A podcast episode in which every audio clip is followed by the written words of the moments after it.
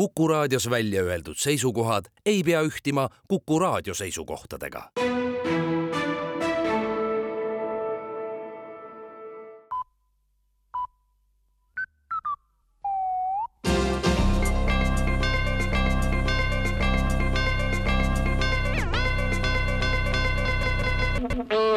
uudised on eetris ja stuudios Rohke Debelak valitsuse kõrgetasemeline töögrupp jõudis eile otsusele, et lennundusega tegelemist riik siiski päris sajaprotsendiliselt ei lõpeta ja luuakse riigiettevõte, mis hakkab tegelema fantaasialendudega. ettevõttele otsitakse avaliku konkursi korras juba ka nime, sest hetkel mõte ei lenda veel piisavalt. fantaasialennud on ehk ainukene lennundusvaldkond, millega riik peaks toime tulema, sest seni on suurem osa kõikidest ettevõtmistest olnud fantaasia valdkonda kuuluvad nagu Utah kõrbeinvesteeringud või Nordica juhtimine, informeerimata riigi kodanikud nõuavadki seetõttu asjaosaliste kriminaalvastutusele võtmist just seetõttu, et nad pole aru saanud, et tegemist oli algusest saadik fantaasialendude eriti kõrge tasemega tervisekassa on aga sõlminud esimesed lepingud juuksurite ja habemajajatega kokku esialgu kümne salongiga. Peamiselt näevad lepingud ette kergemate operatsioonide ja vähesema kirurgilise sekkumisega protseduuride läbiviimiseks. vaimse tervise osas käivad samuti läbirääkimised Eesti Nõidade Liidu esindajatega.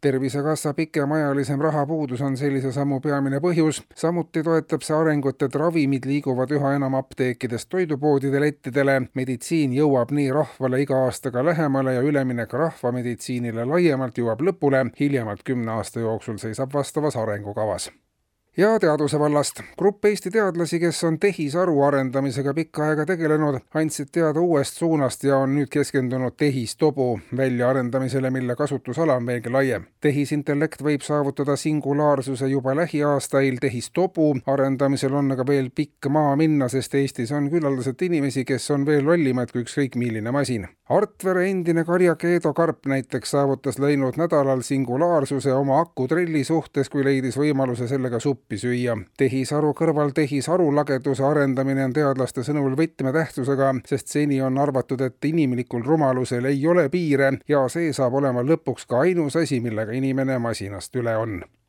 operatiivteade.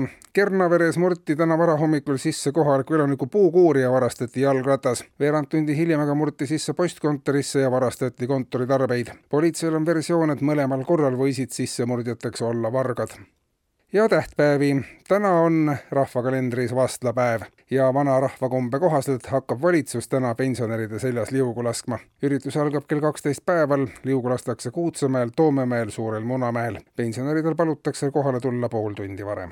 kuulsite uudiseid